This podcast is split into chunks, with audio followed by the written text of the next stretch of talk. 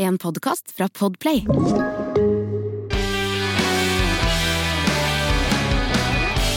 Hei og hopp, og velkommen igjen til deg som har tumla innom vår nye podkast. Ja ja, ny og ny, nå begynner vi jo nesten å bli etablert. Helsemegene tar tempen. En podkast til å le og gråte av. Og i dag, Helene, i dag skal det bli skummelt. Ja. For nå i dag så skal det rett og slett handle om kontrollerende forhold og om giftige mennesker i relasjoner som kan skremme vannet av de fleste. Ja. Har du hatt et sånt forhold noen gang? Nei, det kan jeg ikke si, men, men jeg har jo vært forsøkt invitert i, inn i slike forhold. Jaha, hva, skjedde? Det er, det er jo veldig, veldig veldig lenge siden. Den gangen det var stas å ha beilere, helt til det plutselig ikke var så veldig stas. Da hadde jeg en frier som rett og slett ikke ville gi seg, og til slutt eh, sendte meg et langt brev om hvordan vi hørte sammen, enten i livet eller i døden. Hva gjorde du da? Jeg bretta brevet pent sammen, putta det i bh-en og sykla hjem til mora hans. Og, snakka med henne, eller? Ja, jeg ga henne brevet og sa se hva sønnen din skriver, jeg tror han trenger hjelp. Oi, fikk han hjelp? Det vet jeg ikke, jeg hørte aldri noe fra noen av dem igjen. Jeg bodde i Sveits en stund og traff en fyr som mente at jeg eh, ikke hadde noen ting i bukse å gjøre, for det skulle han bestemme. Jeg skulle gå med kjole. Jeg skal ikke dermed si at han var verken psykopat eller narsissist, men eh, det var et ganske kontrollerende trekk over den fyren. Ja, Det er ikke særlig at mennesker har et behov for å kontrollere andre, det er jo faktisk et sykdomstegn. Å leve i et sånt forhold kan være veldig ødeleggende, og det fins jo i hvert fall tre sånne mørke diagnoser. og Det er psykopati, narsissisme og det som heter machiavellisk lidelse. Og alle de kjennetegnes ved at mennesker har veldig behov for kontroll over andre. Ja, Og manipulasjon. Ja, manipulasjon ikke minst. Kontroll og manipulasjon henger Det går jo hånd i hånd. Men får man hjelp da, hvis man havner i et sånt forhold?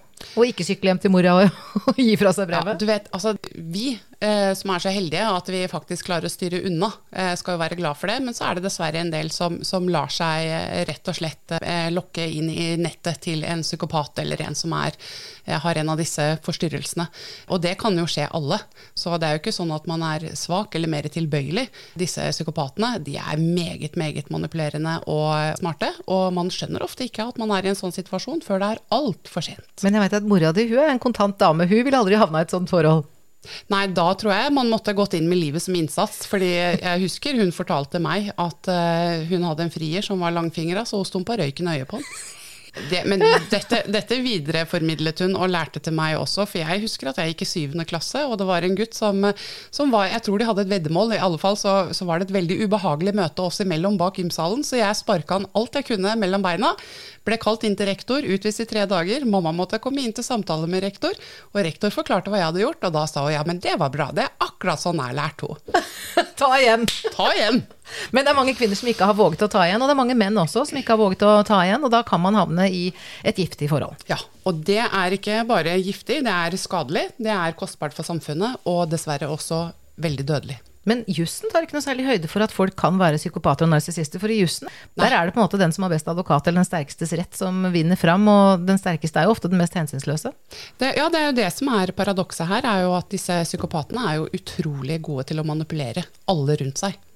Men eh, narsissisme er en lidelse som er litt mindre infam, men som er like skadelig. Altså dette behovet for å kontrollere, eh, nedsnakking, arrogansen, eh, denne grandiositeten enkelte narsissister har. Det er jo ganske mange farlige trekk, og Helsepartiet har faktisk politikk både for disse tre mørke lidelsene, og vi har også politikk for det å styrke relasjoner. For gode, sunne relasjoner mellom mennesker, det skaper god helse. Ja, det gjør det helt klart. Og vi ser jo konsekvensen av dårlige relasjoner. Hva tenker du på da?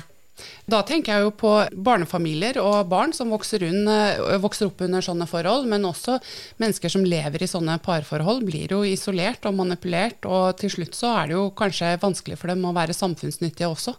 Jeg har lært noe nytt i det siste. Jeg skal ikke si at det handler om Trump, men det har vært veldig mange videoer på YouTube som har handlet om narsissister, og hva som er typisk for dem.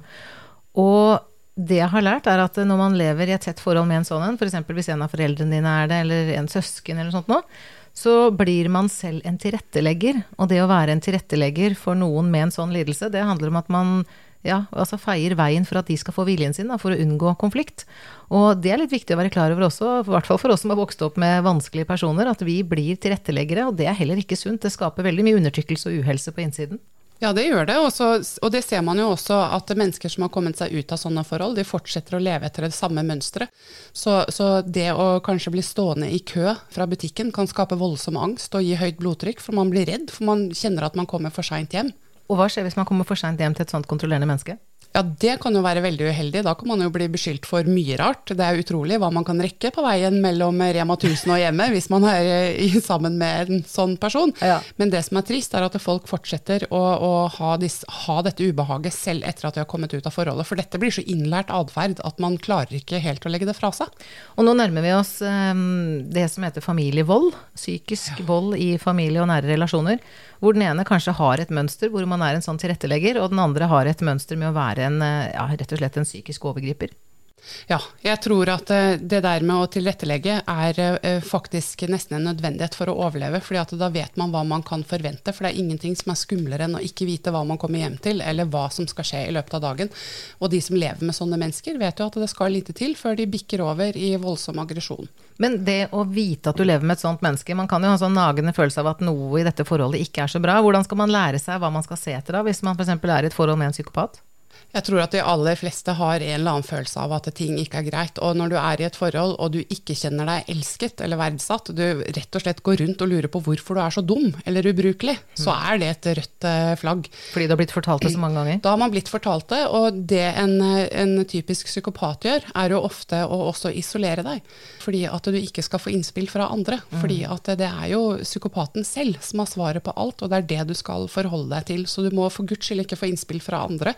Men de er også veldig likegyldige til både hvordan du har det, de har lett for å lyve, de har et stort behov for å kontrollere, de har ingen empati. Hvis det, det oppstår en krangel eller, eller vedkommende gjør noe mot deg, så er det helt tydelig at det er din feil. Det er noe du har sagt eller gjort som har provosert fram atferden. Det er aldri Til- min skyld, Det er den kjenner vi igjen. aldri min skyld. Men Skremmende. det som er farlig, det er at man blir veldig isolert, og til slutt nesten ikke har kontakt med verken familie eller venner. Og da er du langt inn i et giftig forhold. Men skjønner man det hvis man er i et sånt forhold alltid? Jeg tror man skjønner det, men veien ut er så utrolig vanskelig, og jeg tror at mange lever eller blir i forholdet helt til de kanskje kjenner at det begynner å bli farlig, og da er det litt for sent. Hva skal man gjøre da, hvis man etter hvert har blitt bevisst og skjønner at man lever i et sånt forhold og virkelig trenger hjelp til å komme seg ut av det? Det kommer an på hvem du spør. Spør du en fagperson, så vil de jo si at du ikke skal eh, si at du vil ut av forholdet før du har funnet et annet sted å bo, og at du vet at du har et trygt sted å være.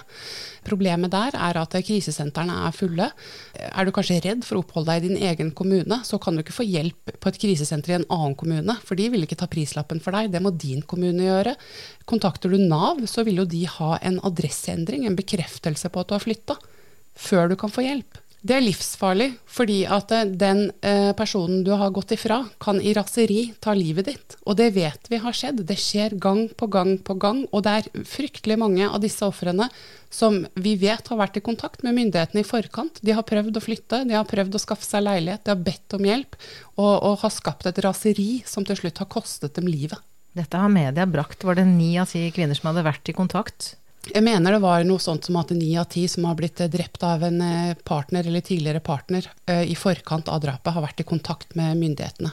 Uten å få hjelp. Ja. Det må være mulig å øke kapasiteten. Altså, nå er det ikke sånn at alle krisesentre er fulle hele tiden, men eh, akkurat idet du trenger det, så har man ikke muligheten til å få hjelp hvis det er fullt, og det er jo ikke godt nok. Nei, her syns jeg jo at staten kan ta litt mer ansvar, og ikke la kommunene sitte og krangle om eh, pengene der. fordi at et menneskeliv er faktisk litt mer verdt enn et eh, kommunebudsjett. Så her burde kommuner i tilfelle kunne få lov til å hjelpe hverandre. Og så må vi ha økt kapasitet. Ja, Der også handler det om kapasitet, men du vet at når både denne regjeringa og den forrige regjeringa syns at vi bare skulle kutte i helse, at helse er en kuttsektor, så får vi ikke snudd dette her før demokratiet tar grep. Så vi kan ikke annet enn å be folk om å være med og stemme, bl.a. på Helsepartiet, som setter helse først. Og du er jo kandidat, Helene. Tror du at dette her er noe du kunne endre hvis du kom inn på Stortinget? Jeg tror at jeg ville prøvd å, å gjøre noe med en gang. Jeg tenker at det første, det første man må gjøre, hvor det er faktisk mulig å gjøre noe helt konkret som kan virke fra dag én, det er å endre reglene og kravene til Nav. Sånn at eh, hvis man faktisk har vært i kontakt med politiet, eller har en, eh, en god sak da, og faktisk trenger og ønsker å flytte, så skal man få hjelp til det umiddelbart. Når det kommer til akkurat psykopati, Helene, så tok du jo noen av disse punktene på lista. Det finnes en sånn psykopatliste på nettet hvis man lurer på om man er i et sånt forhold. Jeg tror den heter O'Hars liste. Jeg ikke, jeg finner det. Og både på YouTube og på ja, til og med Wikipedia har jo lister hvor man kan gå inn og lese og gjøre seg litt tryggere på hva er det som skjer. Samtidig så er det ikke hvem som helst som kan sette en psykopatidiagnose. Det er ikke lov. Nei, det skal man ikke gjøre. Og, og, det er jo sånn at det er jo ikke alle som har psykopatiske trekk som er eh, helt eh, fullblods psykopater heller. Nei. Vi har noen småtrekk, noen og enhver. Alle har en liten psykopat i magen, tror jeg. Du hører Helsemeggene med Lise Askvik og Helene Spro, og i dag handler det om usunne relasjoner, giftige personligheter, psykopati, narsissisme og machiavellisk personlighetsforstyrrelse. Hvis man kommer dit hen at man lurer på om man bor sammen med en psykopat, og begynner å kanskje få en følelse av at ja, det gjør jeg, eller kanskje det er eh, machiavellisme eller narsissisme, vil de som har denne lidelsen innrømme det sjøl og innse det sjøl? Nei, det er vel kanskje det sterkeste trekket de har. Det er at de er helt uten innsikt. Men hvis de har denne diagnosen, da, er det mulig å hjelpe dem? Nei, det tror jeg ikke. Dette er personlighetstrekk som, eh, som, er så sterke at det får man ikke gjort noe med. Og begynner du å tvile på, på psykopaten, så vil han eh, kanskje heller predike for noen andre. Mm. Og så sier jo forskningen at et eller annet sted mellom 1 eh, og 4% av befolkningen har psykopatiske trekk, eller kanskje til og med er psykopater. Men er det bare menn? Nei. Og det er kjempeviktig at vi er, eh, faktisk har forståelse for at det er en del kvinner som er psykopater. Og på en måte så tenker jeg at de kanskje kan skjule det enda bedre enn menn. Så det er en del menn som også lider voldsomt i forhold eh, med en psykopat. Som manipulerer og bedriver psykisk eh, tortur. Og det er også noen som blir utsatt for fysisk vold. Men er det god kapasitet i krisesentrene for menn, da? Eh, jeg er ikke så sikker på hvordan kapasiteten i krisesentrene er for menn, men de, det er jo steder eh, og etater de kan kontakte. Jeg tror det største problemet her er å få menn til å søke hjelp, for det er veldig tabubelagt. Og jeg tror det er veldig vanskelig for menn som er i et sånt forhold, å innrømme at de faktisk er i et sånt forhold.